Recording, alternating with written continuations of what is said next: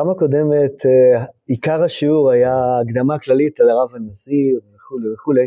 היום ניכנס באמת למאמר, אמנם דיברנו עליו, אבל ניכנס יותר אה, בפרטים ובעומק שלו וכולי. זאת אומרת, דיברנו שעיקר הפרויק, הפרויקט המרכזי של ספר כל הנבואה בעצם טמון במאמר הראשון, ומאמרים האחרים הם הרחבות בנושאים שונים, אבל ההרחבות האלה הם נותנים הרבה מאוד, זאת אומרת, זה לא שבאמת אה, אפשר בהבנה פשוטה מתוך המאמר הראשון לדלות את כל מה שכתוב במאמרים האחרים, אה, ואנחנו מתעסקים עם, עם מאמר שני. עכשיו, אה, הבסיס של המאמר, היסוד של המאמר, זה החוכמה, החוכמה היא אה, שעליה הרב הנזיר מדבר במאמר הראשון, אה, היא נקראת מאמר. שמה נרדף, ככה זה כתוב בפרק י"ח במאמר ראשון, החוכמה שמה נרדף בכתבי הקודש ובתרגומים הוא דבר השם, מאמר או מימרה. ובאמת ראינו שהמוטו מתוך הפסוקים שמופיע במה, ב, בתחילת המאמר השני, זה לעולם השם דברך ניצב בשמיים, דברך זה מאמר, המאמר של אותם אה, עשרה מאמרות שבהם נברא העולם, הוא תמיד נמצא בשמיים ומקיים את הכל. אה, עכשיו הרב הנזיר מחבר בין המאמר הזה אה, למונח היווני לוגוס, שזה מונח יווני מוכר, מהפילוסופיה העתיקה, הקדם סוקרטית, אני יודע, מאה שישית לפני הספירה הנוצרית, אה, מהרקליטוס, שכל העולם מבוסס על אותו לוגוס, אבל גם המונח לוגיקה שאנחנו מתעסקים איתו, מדברים עליו, אה, הדבר הוא לא לוגי, המקור הוא במושג לוגוס. עכשיו, למה הרב הנזיר כל כך חשוב לו לחבר בין המונחים העבריים, הנה, אתם רואים, זה הפרק הראשון שלנו. מאמר אלוקים, דבר השם, הדיבור, מימרא או הלוגוס, הנשמע, הוא מקור ההיגיון השמי העברי, הנבדל מההיגיון העיוני המערבי. בעצם פרק א' זה סיכום של אה, דברים רבים שנמצאים במאמר ראשון, שעליהם לא ניכנס להם ביחד, אני מתווך תוך כדי שנתעסק איתם ונשלים, אבל אה, פשוט אה, לבאר את הפרק הזה מילה מילה, זה דורש בעצם לחזור על כל המאמר הראשון, וזה לא נעשה כאן, אבל uh, לאט לאט uh, נבין. עכשיו, לפי הרב הנזיר, תמיד הוא מצמיד את העקרונות שהוא מוציא ודולה מתוך המקורות העבריים, מצמיד אותם למקורות יווניים. וזה הסברנו וראינו מדוע הרב הנזיר עושה את זה. כיוון שהרב הנזיר מסתמך או רוצה להביע את הרוח העברית הפנימית, הרוח העברית הפנימית מקורה בספרות הקבלה. בספרות הקבלה היא לא, לא כל אדם ראוי ויכול להיכנס לתוכה, יש הרבה אזהרות של מקובלים ושכבר מסכת חגיגה, אבל לא רק מסכת חגיגה, גם אחר כך שלהרצות קבלה לאנשים שלא ראויים לכך זה לא דבר ראוי, אה, עד כדי כך לפעמים שזה מתואר בספרות הפנימית כמו אדם ש...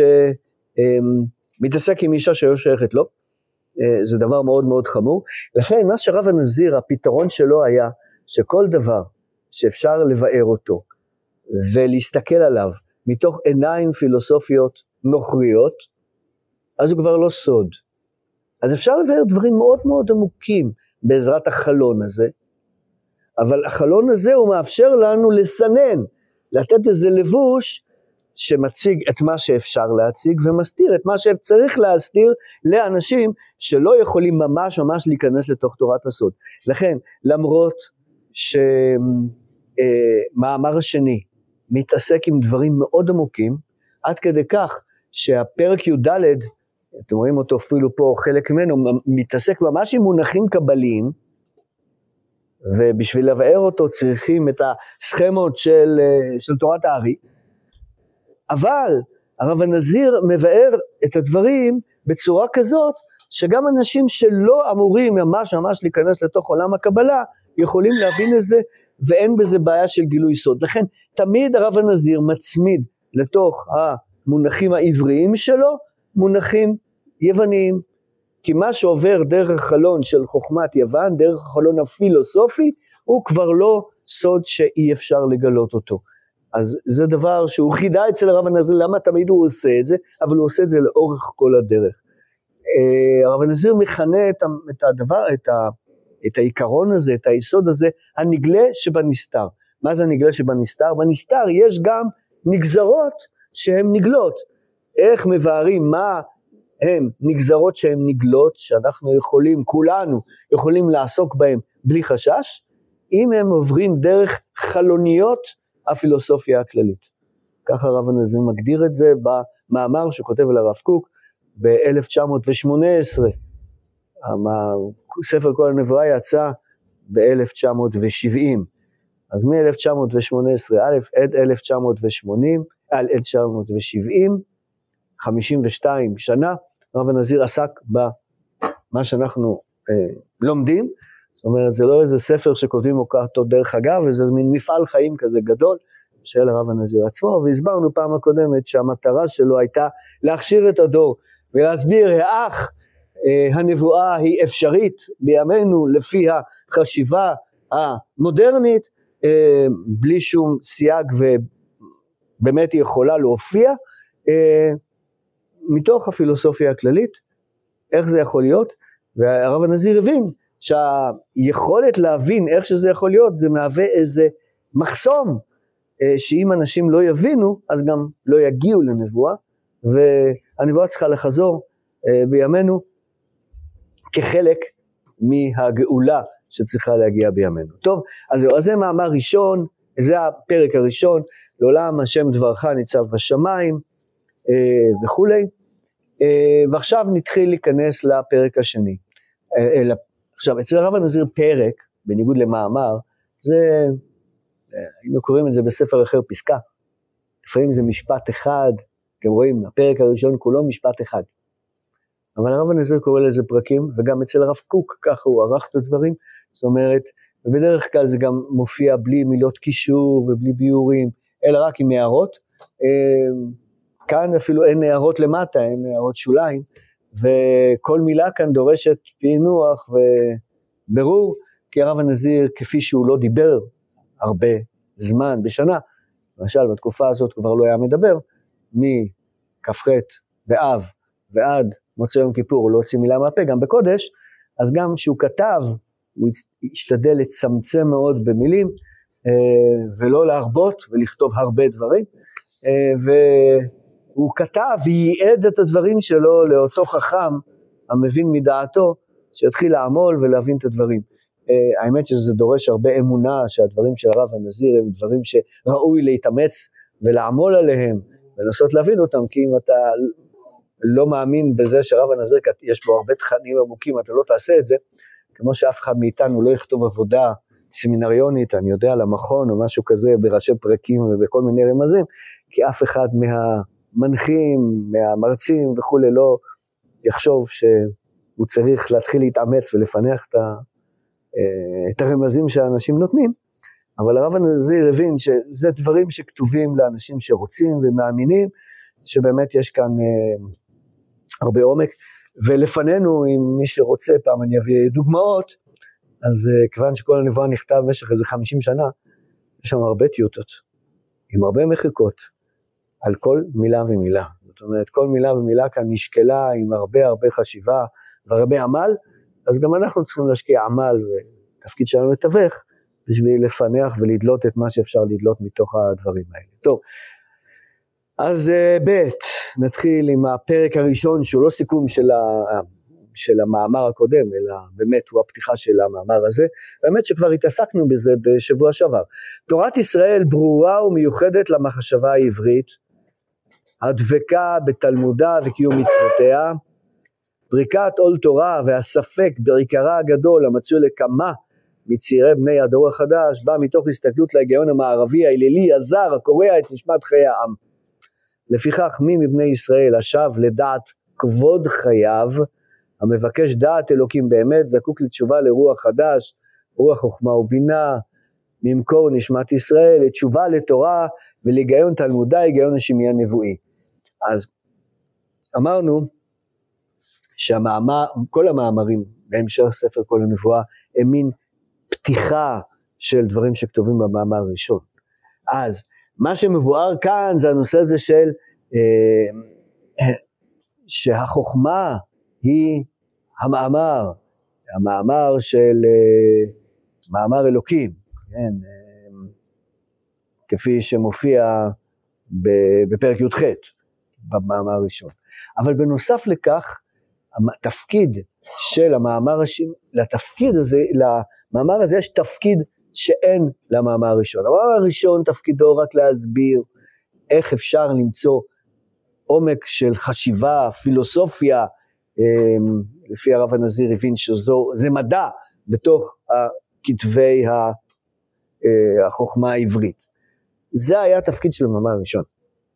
המאמר השני בא לומר לאנשי אה, דורו, אה, לאותם אנשים שעשו את המסע הגדול שהוא עשה, מהצעה להיות רם בישיבת סלבודקה במזרח אירופה, לכיוון מערב אירופה בשביל ללמוד השכלה, אבל הרב הנזיר הבין, וככה הבינו כל החברים שלו, שהם הולכים להיות משכילים, הולכים להיות משכילים בשביל לתרום את זה לקודש, לתורה, הם לא רצו אה, לעזוב את, אה, את הקרבה ואת הדבקות בקדוש ברוך הוא על ידי זה בשביל להיות משכילים, ההפך, הם רצו לרתום את ההשכלה הכללית אה, בשביל אה, להידבק בקדוש ברוך הוא. בסדר, אז הרב הנזיר הצליח לעשות את זה. זאת אומרת, הרב הנזיר משתמש בכל. העולם של ההשכלה שלו בשביל להגיע לנבואה בקדושה גדולה וכולי. חברים שלו אימצו בנוסף לה... להשכלה, אימצו גם אידיאולוגיה, אידיאולוגיה שהמצוות זה לא דבר חשוב ולא צריך לשמור עליהן, כמו שההשכלה הכללית האירופית נטשה את הכנסייה, אז ככה ההשכלה העברית, מאה שנה אחר כך, נטשה את תורה ומצוות, אז לא הקפידו לשמור תורה ומצוות. אז אומר כאן הרב הנזיר, תשמעו, אתם חושבים שלימוד של השכלה בחוכמת ישראל, שלנו, אמ, היא לא דורשת קיום מצוות, כמו שביולוג אה, שמתעסק עם אמבות לא צריך להיות אמבה. אז אתם לומדים על קיום מצוות, אתם לא צריכים לקיים תורה ומצוות. אה, ככה הבינו, זו הייתה האידיאולוגיה של אה, החוקרים, חוכמת ישראל, באותה תקופה, סוף המאה ה-19, כל המאה ה-19 ותחילת המאה ה-20, כל הנטישה הגדולה של קיום תורה ומצוות באותה תקופה. אומר הרב הנזיר, תשמעו, אם אתם רוצים באמת להבין את חוכמת ישראל, אתם צריכים לקיים תורה ומצוות. בלי קיום תורה ומצוות אתם לא יכולים להבין לעומק את התורה עצמה. זה לא שאתם יכולים להיות אה, אנשי אה, חוקרים שנמצאים מבחוץ ומסתכלים אה, ובוחנים במיקרוסקופ את העולם הרוח של עם ישראל, ותבינו לעומק, לא, אתם לא תבינו לעומק. את החוכמה של עם ישראל אי אפשר להסתכל עליה מבחוץ. בשביל להבין לעומק, אתם באמת צריכים להתחבר בפנים, וזה המטרה של המאמר הזה, ובאמת רואים בפרק י"ד, שזה הפרק האחרון של המאמר שלנו, שבאמת בשביל להגיע לעדן החוכמה העליונה, אחר כך נסביר למה, כל מילה שם, שנגיע לשם, בפרקים י"ג וי"ד, בשביל זה צריך לקבל עול מלכות שמיים, ולקבל עול מלכות שמיים באמת, ורק על ידי קבלת עול מלכות שמיים באמת, שזה קיום, המצוו, קיום המצווה המרכזית שהרב הנזיר מתעסק איתה, זה משהו מאוד מאוד מעשי, אבל מאוד מאוד גם עיוני, רק אם מקבלים באמת את עול מלכות שמיים כמו שאמורים לקבל עול מלכות שמיים, אז באמת אפשר להבין ולהגיע לאותו עדן החוכמה, שהיא-היא אמ, של החשיבה העברית בשיאו, אה, וזה נדבר על זה, שנגיע לשם. אה, אז בגדול, יש, המאמר שלנו זה גם פיתוח של המונח מאמר אלוקים, אבל לא רק פיתוח, כי זה המאמר השמעי, זה הכותרת של המאמר כולו, זה לא רק פיתוח של הנושא הזה, אלא גם אה, פתרון או הסבר או התייחסות של הרב הנזיר לבעיה שהטרידה את כל הדור הזה, את כל הדור של יראי השמיים, כמו שהרב קוק כתב, מאמר הדור וכולי וכולי, אה, הנטישה הגדולה של קיום תורה ומצוות באותה תקופה. ש... בסדר? אז זהו, אז בואו נמשיך, זה פרק ב'. אמ, כן. עכשיו תראו, הבאתי כאן מפרק ממאמר ראשון, שבאמת הקריאת שמע אצל הרב הנזיר זה דבר מאוד מאוד יסודי, שחורז את העבודה כולה, כולה שלו, אז אנחנו רואים פה בפרק כ' מהמאמר הראשון, על כן האמת המוחלטת לישראל אינה נקנית לו בהסתכלות עליונה, אלא בשמיעה פנימית, כמו שנאמר, שמע ישראל השם אלוקינו השם אחד, אנחנו רואים שגם הנקודה הזאת של להגיע לאמת המוחלטת לישראל, להגיע לאמת, אמת לכאורה זה דבר שקשור בהבנה, בצד קוגנטיבי, אפשר להגיע רק על ידי אה, שמיעה פנימית שקשורה בקריאת שמע. בסדר? אז, זה, בעצם היסוד הזה כבר נמצא במאמר הראשון, אבל כל המאמר שלנו בא לפרט ולהסביר למה. כאן אתה קובע איזה קביעה, יופי. עכשיו השאלה, איך אתה מסביר את זה. ובשביל זה יש לנו מאמר שלם. בסדר? דרך אגב, הוא לא בסדר, זהו. טוב, אז אנחנו נכנסים לפרק ג'. פרק ג' זה כבר אנחנו נכנסים ל... לנקודה, אני חושב, של המאמר שלנו. ההיגיון העברי הוא שמעי, נבואי, אז ההיגיון, עכשיו, כשהרב הנזיר דיבר על היגיון, וזה ראינו במאמר הראשון, היגיון, הכוונה אצל הרב הנזיר זה לא לוגיקה, שלומדים אותה במי אה, שלומד מתמטיקה, אה, אני יודע מה, שנה ראשונה, מי שלומד מחשבים, לומד לוגיקה, אה, מי שלומד פילוסופיה כללית, אז הוא לומד לוגיקה, יש לוגיקה של אריסטו, ויש לוגיקה של המאה ה-20, עם פרגה וכולי וכולי. אה, לומדים את זה באוניברסיטה, לומדים בשנה ראשונה, הרבה אנשים לומדים לוגיקה. אה, והלוגיקה שלומדים בדרך כלל זה היגיון, תורת היגיון. אבל הכוונה היא לאותה תורה שבה אנחנו לומדים איזה משפטים הם נושאים ערך אמת וכולי וכולי, מה, אה, אה, זה, זה, בדרך כלל היגיון. אצל הרב הנזיר היגיון הוא דבר הרבה יותר מרחב, היגיון הכוונה היא משהו שמקביל לתורת ההכרה. איך אדם יודע, איך אדם יודע מה האמת, איך אדם אה, יכול לדעת שהוא יודע, אה, זה המושג היגיון. מה הכלים שבו האדם חושב. עכשיו, מבחינתו של הרב הנזיר, כל הפילוסופיה החדשה מקאנט והלאה, מהמאה ה-18 בעצם, כל עניינה הוא תורת הכרה. כי ברגע שאני יודע איך אני מבין, דרך זה גם אני מבין את המציאות. כי אה, לכאורה, אם אדם לא מכיר את החלון שדרכו הוא מסתכל על המציאות, הוא אה, משלה את עצמו שהוא מבין דברים, אבל יכול להיות שחלק גדול מהדברים שהוא רואה בחוץ, זה מה שהחלון עושה, ומה שהחלון נותן לו לראות, אבל זה לא המציאות כשלעצמה, זה העיקרון של כאן. נדבר על זה עוד בהמשך, לכאורה ניכנס ונגיע לכאן בכל מיני פינות, כי הרבה הרבה מהדברים של הרב הנזיר הרי מסתכלים דרך החלון הפילוסופי של קאנט, ונסביר, אבל אה, היגיון עברי, הכוונה היא דרך מיוחדת שעם ישראל חושב ודרכה דרך הדרך הזאת אפשר להכיר את המציאות. אז ההיגיון העברי הוא שמעי נבואי. ההיגיון, הכרת המציאות שלנו היא שמעית. מה זה עיקרון, היגיון שמעי? נדבר על זה במשך הזמן, לא נחזור על כל מה שדיברנו בשנה שעברה, אבל נסתכל על זה. טוב, אז שתי השקפות עולם הן, כשמסתכלים על המציאות, יש שתי השקפות עולם.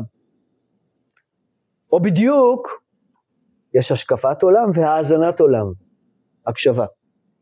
זאת אומרת, זה הנקודה של הרב הנזיר. זאת אומרת, כשאנחנו מתבוננים על העולם, מתבוננים מלשון תבונה, אפשר להתבונן כמו העולם המערבי בהסתכלות, ואפשר גם אה, לנסות להקשיב, להאזין.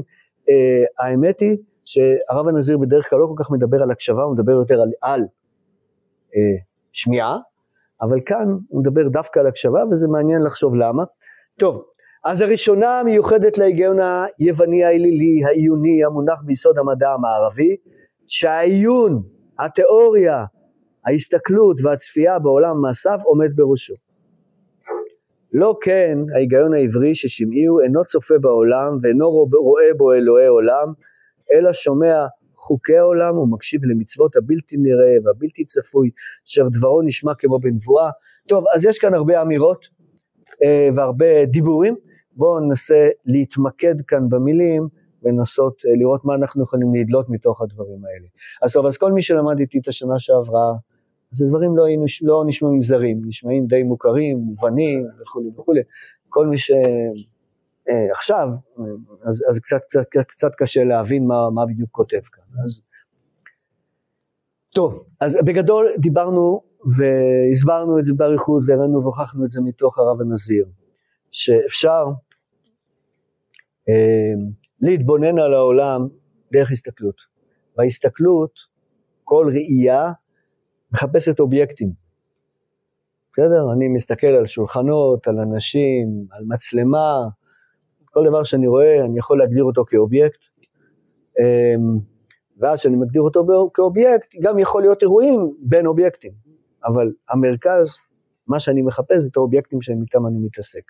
זה הסתכלות, בסדר? יש, אני עומד פה, אני אובייקט, או יותר נכון סובייקט, אבל סובייקט זה אובייקט מיוחד כזה, שהוא מסתכל על האובייקטים האחרים, ומולי עומדים אובייקטים אחרים, שולחנות, לבנונות, כיתות, מצלמות וכולי וכולי, ויש איזה יחס ביני וביניהם, ואני גם מסתכל על היחסים, ב... בסדר, זה, זה העיקרון של הסתכלות. לעומת זאת, שאני שומע, מקשיב, אני לא מתייחס למציאות כאובייקטים, אני מתייחס למציאות כאירועים. כשאני תמיד מקשיב, אני מקשיב לאירוע. זאת אומרת, אמ, כשאדם שומע איזה קול רשרוש מאחוריו, אז הרשרוש מגלה לו שהיה שם איזה אירוע שיצר את הרשרוש. נכון? כשאתם שומעים את הקול שלי, אז הקול שלי מגלה לכם שיש איזה אירוע בעולם שיעיד את מיתרי הקול שלי, ובסופו של דבר הגיע הקול שלי אליכם. מיתרי הקול, אף אחד מכם לא מדמיין בעיני רוחו איך הם נראים, מה קורה איתם. מה שחשוב לכם זה הקול, זה מה שנוצר, האירוע עצמו. אה, חוץ מזה, בדרך כלל אנחנו בדיבור ובשיעור, אנחנו מדלגים על כל האירועים הפיזיים. אנחנו יודעים שיש שם איזה אירוע של תבוני, שיש מישהו שרוצה להעביר לכם איזה תוכן, והוא מתאמץ בשביל להעביר לכם את התוכן, והמאמץ שלו להעביר לכם את התוכן יצר את הדיבור שאתם שומעים עכשיו, ואז יש איזה אירוע תבוני כזה שאתם מנסים לפענח אותו.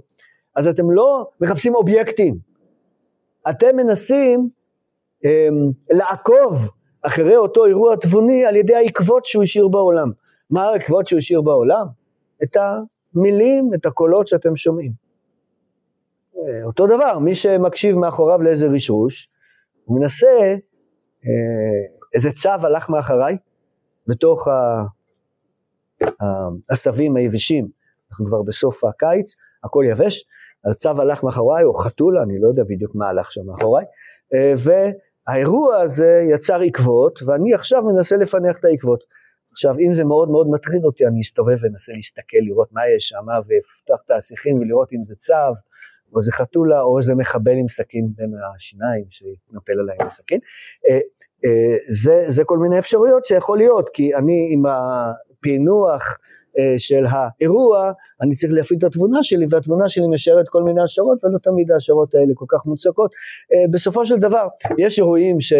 אני יכול די בוודאות לדעת מה קרה שם, כי יש אוסף שלם של אירועים, למשל הדיבור שלי, כולכם יודעים שיש כאן איזו תבונה שמדברת איתכם, למרות שאף אחד מכם לא ראה את התבונה שלי, ולא יכול להצביע עליה, אבל כיוון שאני מדבר בשפה מובנת לכם, ונמצא כאן שיעור, ואתם מבינים תוכן, וגם אני מתייחס לדברים שלכם, כמובן כשכולכם כל הזמן שואלים שאלות ואני עונה בצורה הגיונית, אז כנראה שיש שם איזה משהו תבוני שמתקשר אליכם, נכון?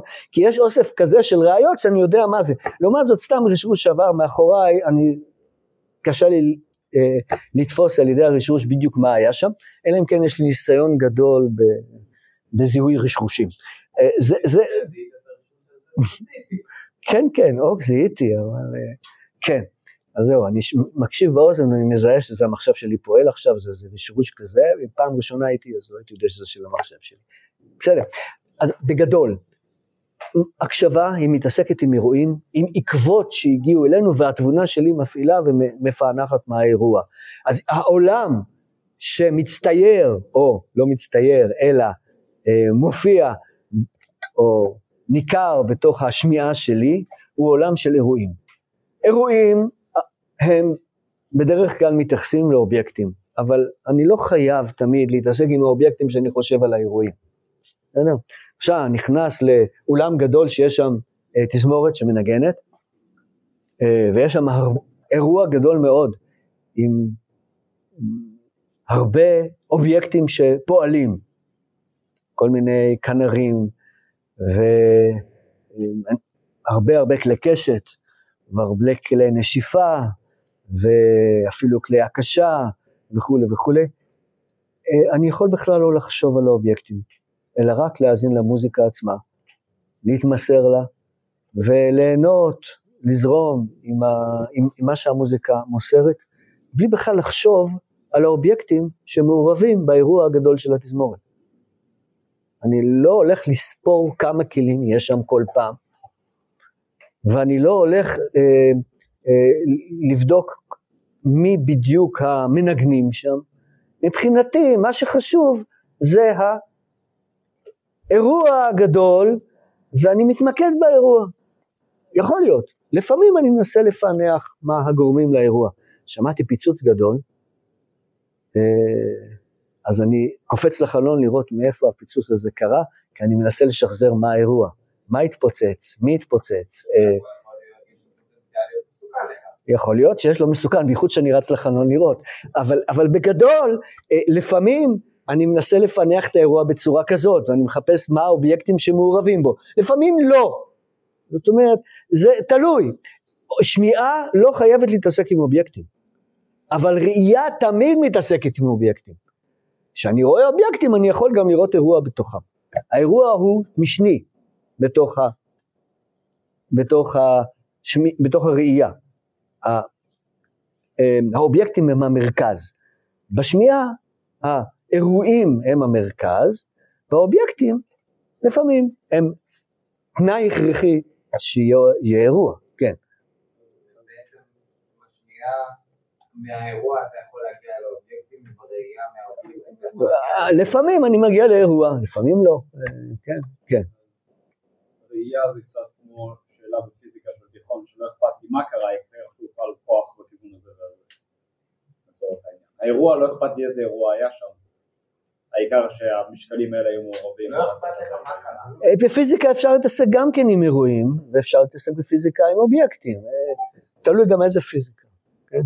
הרי הפיזיקה המודרנית תופסת שהכל, האובייקטים נמצאים במערכת של מרחב זמן. והמרחב והזמן הם אותו דבר מבחינה, הם שקולים, הם חלק מהממדים, ואז אם אתה אומר מרחב זמן, אז בעצם כשאתה אומר, אומר שהכל נמצא בזמן, אז הכל אירועים, אה, למעשה, לפי המרחב של מיניקובסקי. אה, עזוב, נו, אני לא, לא רוצה להתעסק עם כאן פיזיקה, אבל אפשר גם להתייחס למציאות כבשמיעה, ואפשר להקשבת עולם, ואפשר גם השקפת עולם. שני הדברים האלה אפשריים. רק העולם המערבי יוצא מהסתכלות על העולם. לעומת זאת, העולם העברי יוצא מה... אמ, עכשיו, שכתוב כאן שעיון התיאוריה, ההסתכלות והצפייה אצל העולם. מה זה תיאוריה? כולם מתעסקים עם תיאוריות, נכון? מה זה תיאוריות? מבחן בתיאוריה. כן, מה זה תיאוריה? אתם יודעים מה זה תיאוריה? תיאורי, מה זה? טוב, אז תשמעו, אה, בדרך כלל כשלמדו פילוסופיה רצינית בעולם המערבי, אז תמיד למדו לפני כן לימודים קלאסיים. מה זה לימודים קלאסיים? יוונית ולטינית. צריכים ללמוד יוונית ולטינית לפני שהולכים ללמוד פילוסופיה, כמו שצריכים ללמוד לוגיקה לפני שלומדים פילוסופיה. למה צריך ללמוד לטינית?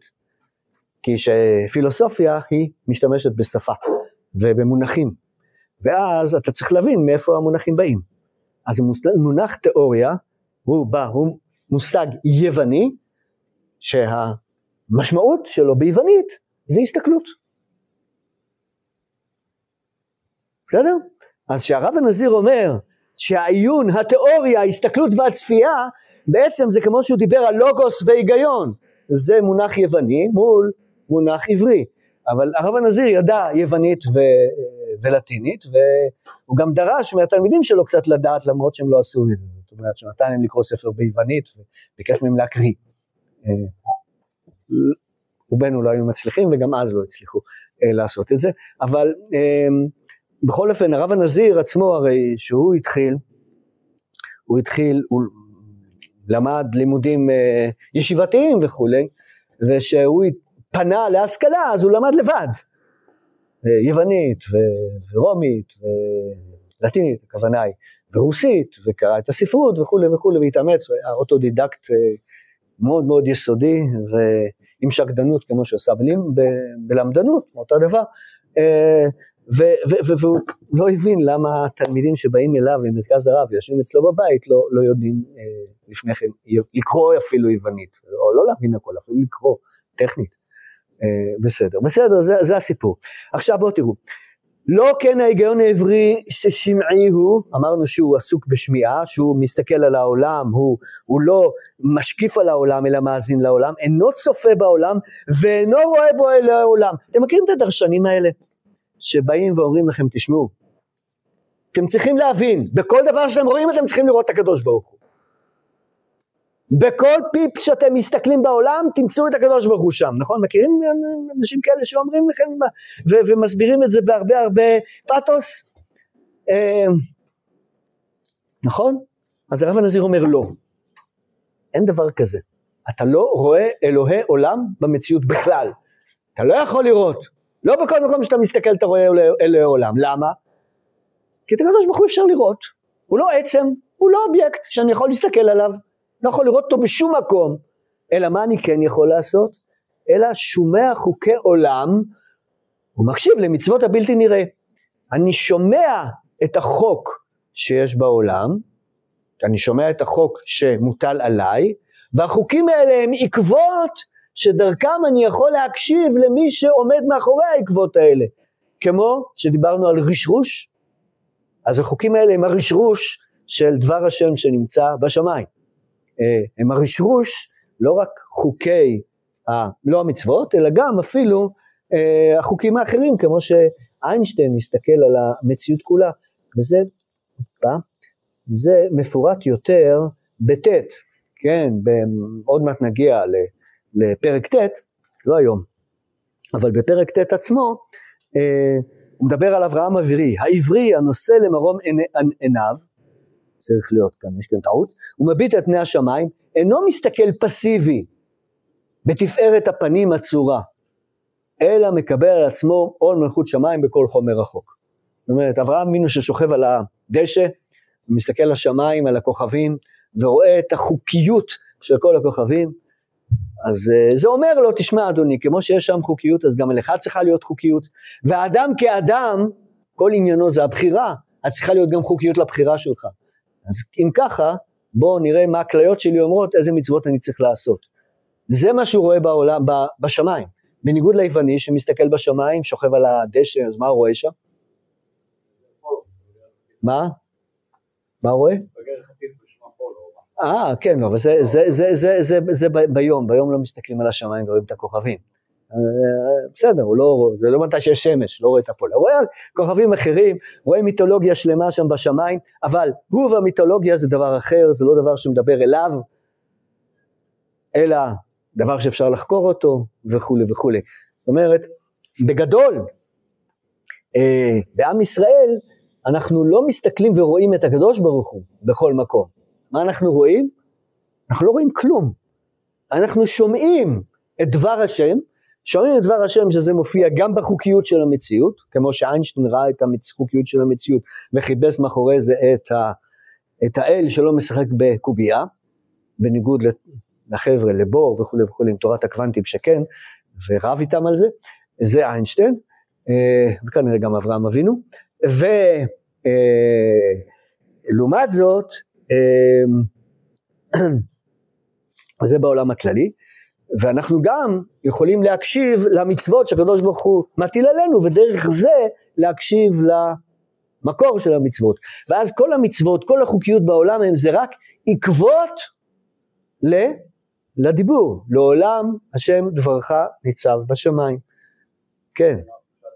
כשהעברי מסתכל על העולם, איזה עברי אידיאלי כזה מסתכל על העולם, כן. הוא לא מחפש את הקדוש ברוך הוא, הוא מחפס רמזים הוא עושה בעולם, ודרך הרמזים האלה הוא מקשיב למה שעומד מאחורי זה. אה, זה העברי האידיאלי הזה, כן.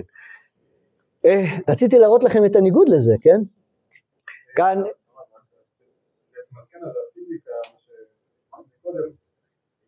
היא לא רואה את השם, היא רואה רק את האובייקטים.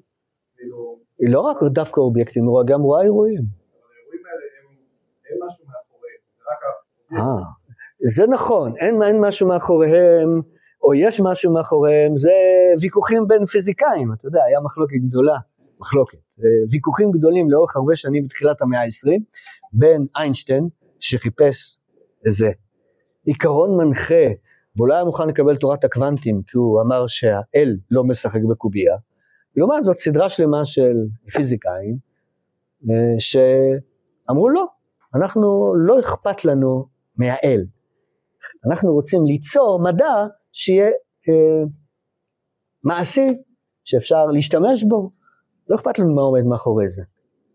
ו- ובנו את תורת הקוונטים כמו שאנחנו מכירים אותה. זאת אומרת, בסופו של דבר הם ניצחו מבחינה מדעית, אה, בניגוד לאיינשטיין.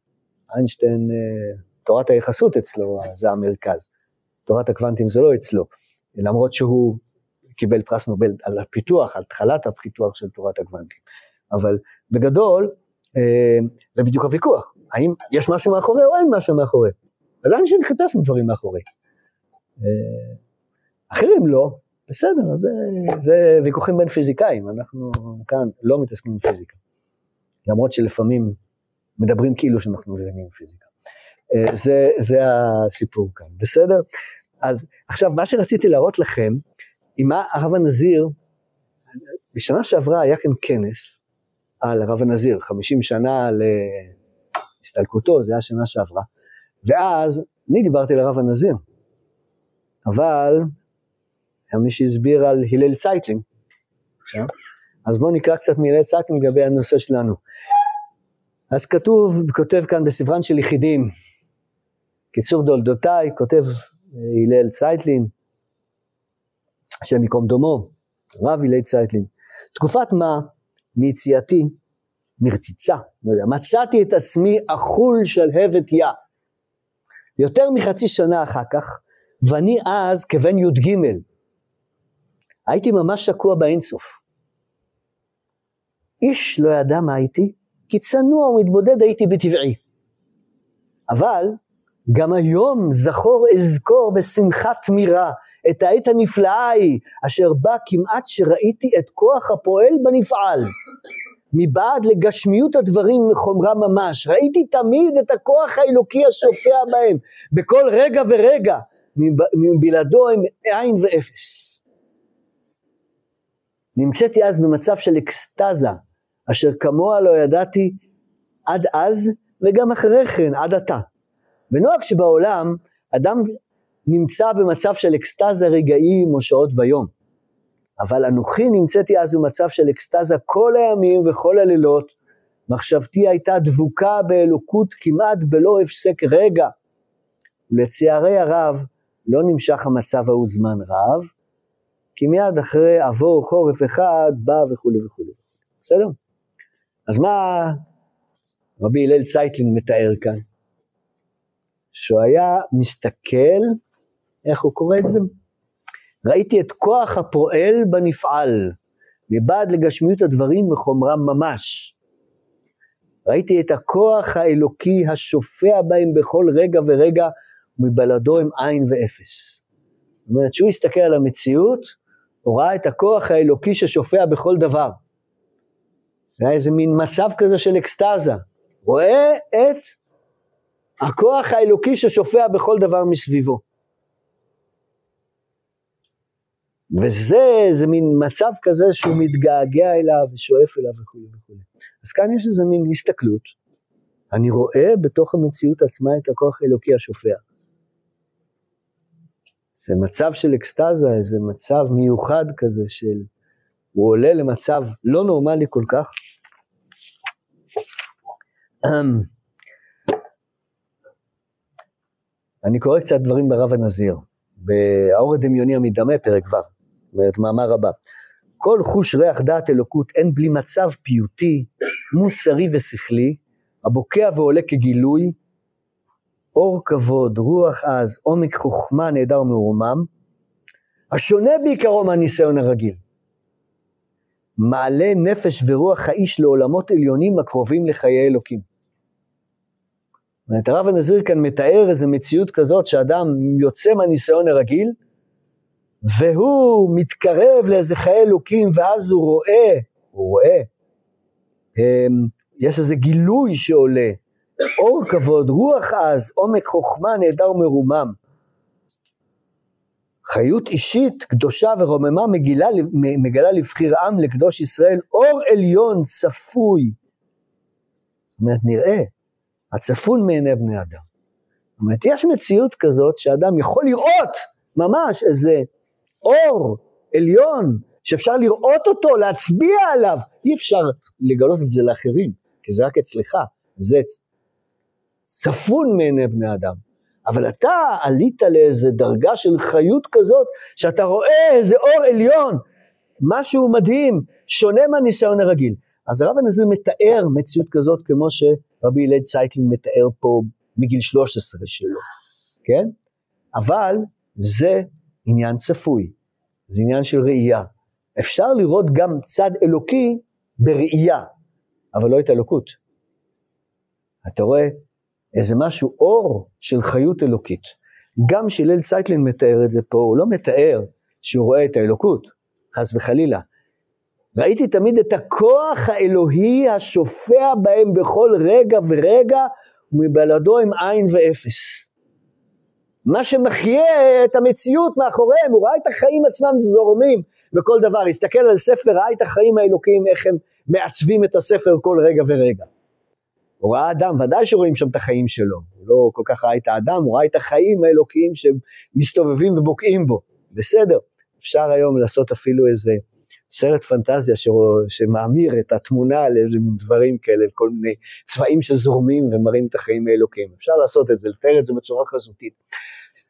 אז הרב הנזיר מדבר על מציאות כזאת, אבל לא, לא במאמר שלנו, אלא במאמר הבא, האור הדמיוני המדמה. יש גם מקום להסתכלות שקשורה בקדושה, והרב הנזיר מתאר את זה בהמשך. אבל אם אתה מדבר על העברי, איך אמרנו, קראנו לזה העברי האידיאלי הזה, כן? אז הוא בכלל לא מחפש לראות איזה צבעים, חיות אלוקית שמחיה את הדברים ולא הילות מאחורי אנשים, הוא מחפש להכיר את החוק, לראות את החוקיות, ודרך זה הוא מקשיב, הוא מבין שזה עקבות לאיזה קול אלוקי שמחיה את כל העולם. אז הוא הרבה יותר צנוע מבחינה מה שהוא מנסה להכיר בתוך המציאות. הוא מכיר כמו שכולנו מכירים, רק הוא מתייחס לזה אחרת. ואז הוא יכול להקשיב לאלוקות שנמצאת מאחורי זה. זאת אומרת, הוא לא רוצה, צריך דווקא לראות איזה משהו שהוא, איזה אקסטזה, משהו, משהו אה, אה, מיסטי, לא. הוא לא, הוא לא צריך לראות דברים מיוחדים. הוא מכיר את המציאות כפי שהיא, ודרכה הוא מגיע לכל מיני השגות. אז בסדר, אז רק ראיתי את, ה, הראיתי את השתי אפשרויות, את זה מול זה, וראינו שגם הדבר שרבי הלל צייקלין מתאר כאן, הרב הנזיר מתייחס אליו, אבל במאמר אחר בהקשרים אחרים. כן. באמת, כמו שהרב הנזיר אמר קודם, הוא לא פסיבי כשהוא מסתכל על העולם, הוא מאוד אקטיבי, הוא מניח שהעולם הוא מין חידה כזה. כן. סוג של חידה שצריך לפתור. מי זה הוא?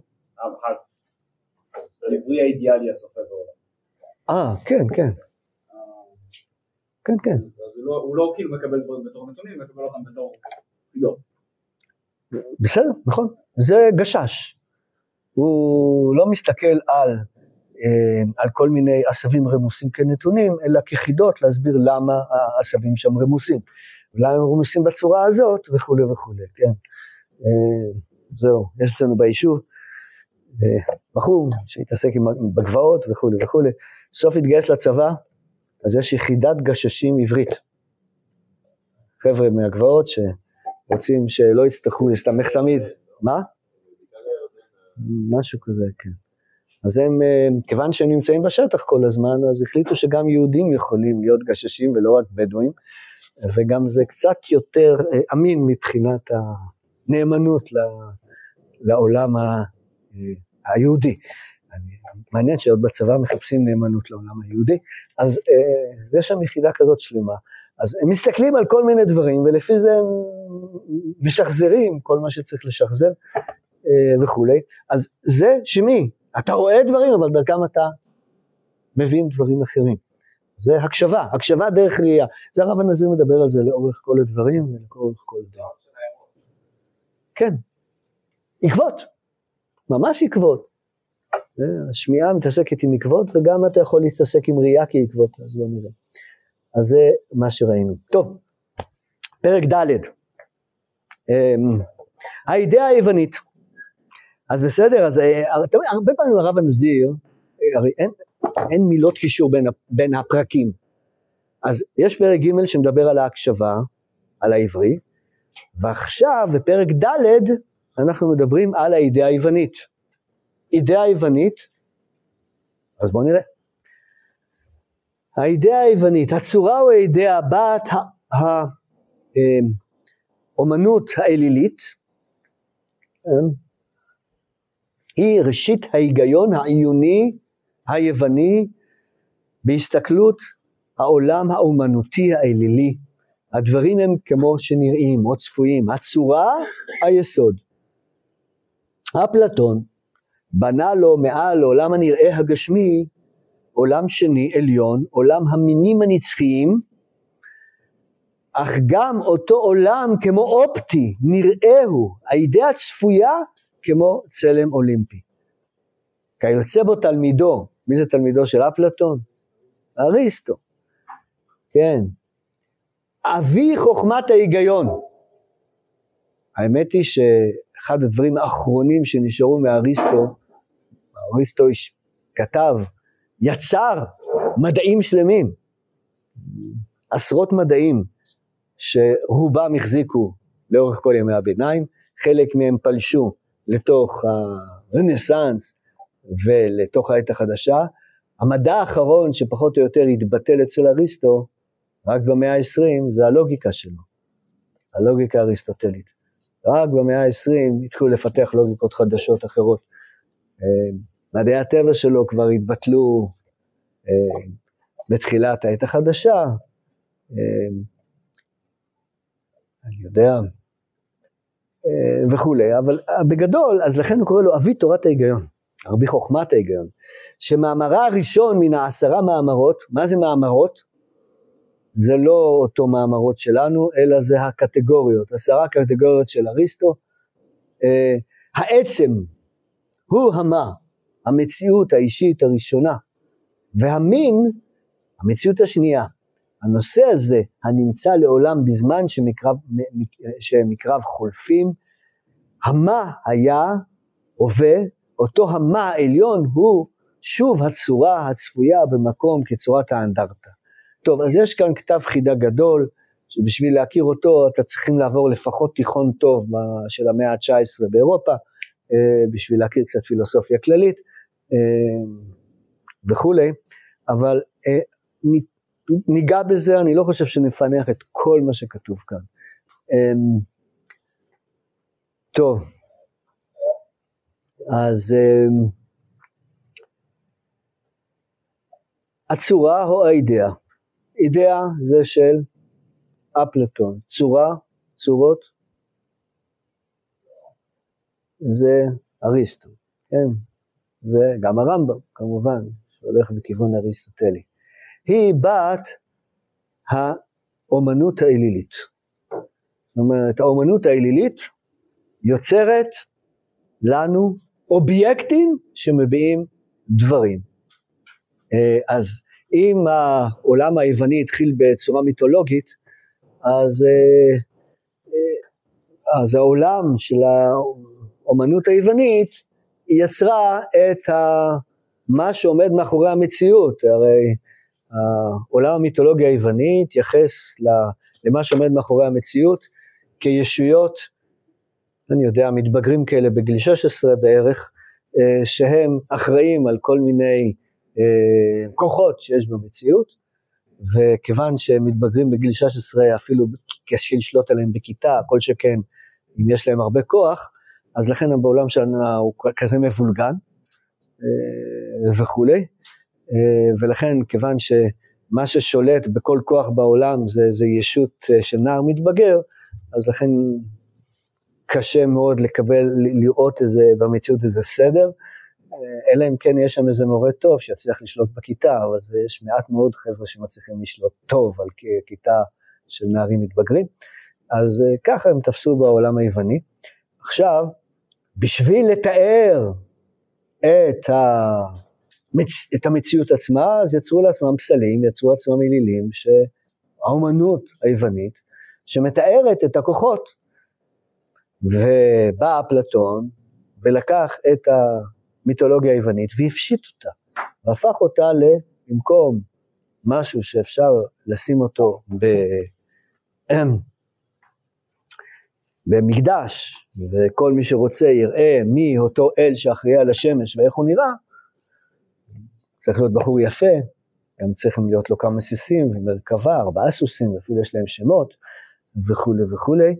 ובמקום זה, אז הוא בנה אידאות, שאידאות קשה לשים אותם בבית, באיזה מקדש ולצייר אותם, אה, ואז יש לו כמה דיאלוגים, דיאלוגים של אפלטון שמנסה להסביר איך אפשר להכיר כל מיני אידאות, הוא מתאר את משל המערה, שאותם חכמים יודעים לצאת מהמערה ולראות את האידאות בעיני רוחם, ואז הם צריכים לחזור אל המערה החשוכה שכל האנשים נמצאים שם ולהסביר להם מהם האידאות שעומדים מאחורי המציאות וזה קצת קשה לעשות אבל הם עושים את זה אה, אז הוא בנה לעצמו אה, איזה עולם אופטי שאפשר לראות את העקרונות ממש לראות אותם, לצייר, לצייר אותם בעיני רוחך את העקרונות שעומדים מאחורי המציאות. אז הוא לא מצייר פסלים, אבל הוא מצייר אידאות. זה דבר שאפשר להצביע עליו, לתאר אותם, גם זה לא רק זה, אדם יכול לכוון את כל החיים שלו על פי זה, כי אם אדם יודע לראות את הידיעה של הטוב, הוא יודע לזהות אה, מי מתנהג בצורה טובה ומי לא מתנהג בצורה טובה על פי הידיעה שהוא זיהה. אז זה דבר שאתה יכול להצביע עליו. אז זה, אה, אז אפלטון בנה לו מעל העולם הנראה, הגשמי, זה עולם שני עליון, עולם המינים הנצחיים.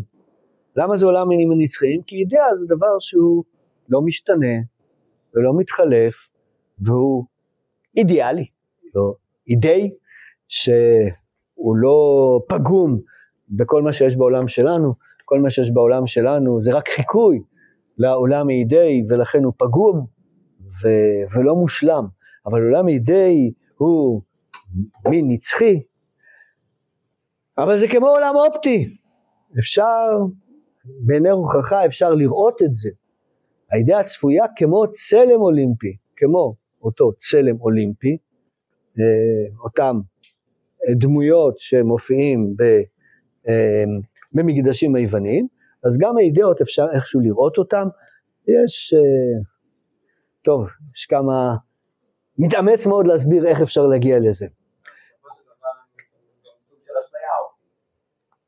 זה לא, רק, זה לא אשליה, אלא זה אליל, זה נראה בהמשך. זה דבר שאדם יוצר בעיני רוחו בשביל להביע. כמו שאדם יכול בעיני רוחו ליצור משהו במחשבה שלו, איך חליל, ואחר כך, אם אתה אומן טוב, להעביר את זה לערד או לשיש, ולשים את זה במקדש, ואז להגיד, הנה זה הכוח שעומד מאחורי המציאות, ואז אתה הופך את זה ממש לאליל ואפשר גם לעבוד אותו. זה עבודה זרה ממש, אז אפשר גם בעיני הורחה ליצור איזה אידאה שאותה אפשר להצביע עליה שהיא מה שהכוח שעומד מאחורי המציאות, נכון?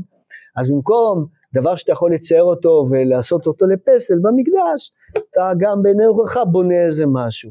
אז זה אפלטון. עולם האידאי שלו זה דבר שהוא יוצר, שהאדם יוצר, ומזהה בינו לבין מה שעומד מאחורי המציאות. אז זה לא חוקי פעולה. נראה את זה בהמשך. זה לא חוקים על, אה, כמו המבנה של מדע שמתעסק עם חוקי פעולה. זה ממש דברים שאתה יכול להצביע עליהם ולהראות אותם. איך אתה עושה את זה, זה כבר סיפור גדול, כי הרי זה דבר מאוד מופשט, איך אתה יכול להראות דבר מאוד מופשט, אי אפשר להקרין אותו על הלוח, וגם לא להציג אותו במצגת. אז אה, אפלטון בונה כל מיני דרכים, איך רואים את הטוב, הטוב זה משהו, איך רואים אותו? אז יש דרכים. אז ההמון יכול להגיע לזה באיזה מוזיקה טובה, ודיוטימה מגלה ל... לסוקרטס במשתה היין, שהם גם לא כל כך היו לבושים, שהארוס, שאדם מחובר לארוס, הוא יכול דרך זה להכיר את הטוב. ואז אם הוא מכיר את הטוב, אז אחר כך הוא יכול לכוון את הדרך שלו, ההתנהגות שלו, על פי אותו טוב. אבל הטוב הזה זה לא חוקים, חוקים זה נגזרות מתוך אותו טוב. אתה יכול ממש להצביע, זה הטוב. זה אפלטון. אז uh, אנחנו אף פעם לא הגענו לזה כל כך, אנחנו לא מכירים, אנחנו לא יכולים להצביע על טוב ולהגיד שזה טוב, אנחנו מכירים חוקים, אנחנו לא נמצאים בעולם אפלטוני בימינו, אבל אפלטון התאמץ מאוד להגיע לזה. עכשיו אריסטו, תלמידו, uh, חיפש את הצורות הנצחיות שנמצאות מאחורי המציאות שלנו, ולכן החומר הוא לובש, פושט צורה ולובש צורה, אבל הדברים העקרוניים הם הצורות. אז גם הצורות של אריסטו הם דברים נראים. זאת אומרת, הם דברים כאלה שאדם בעיני רוחו יכול להצביע עליהם, על הצורה. אה, אז זה, זה העיקרון כאן.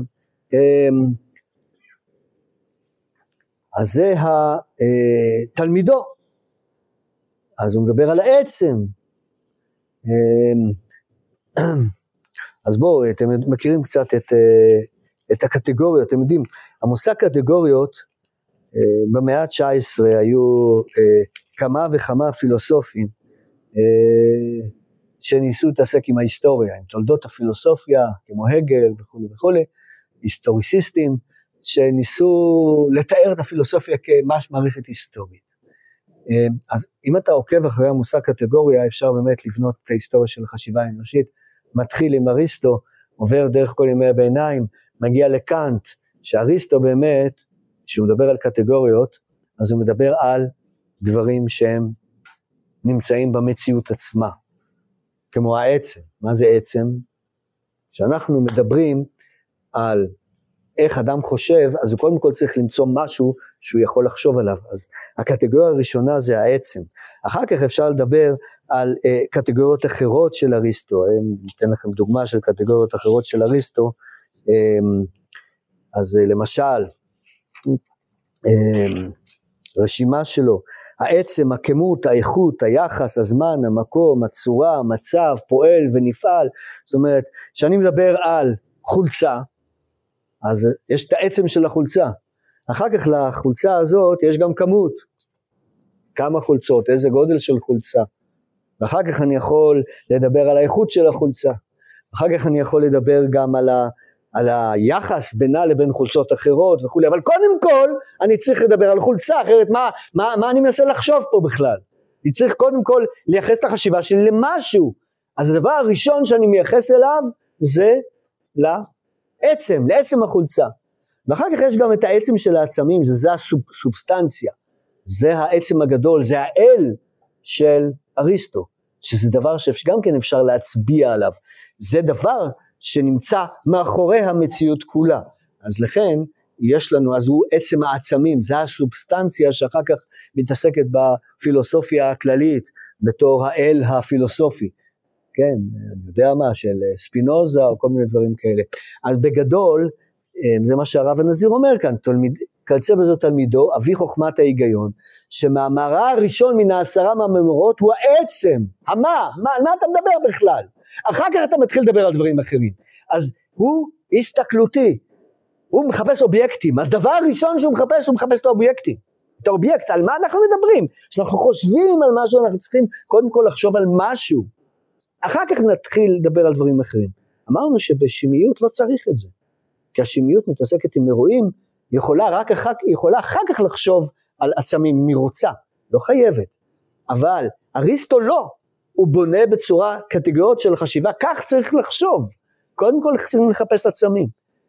אז זה המבנה של האידאה היוונית, העולם היווני. העולם היווני שקודם כל מחפש את הדברים עצמם. אם אתה מדבר על, על, אה, על, על אה, אלילים ממש, או שאתה מדבר על אידאות, או שאתה מדבר על עצם, על הצורות של, אה, של אריסטו.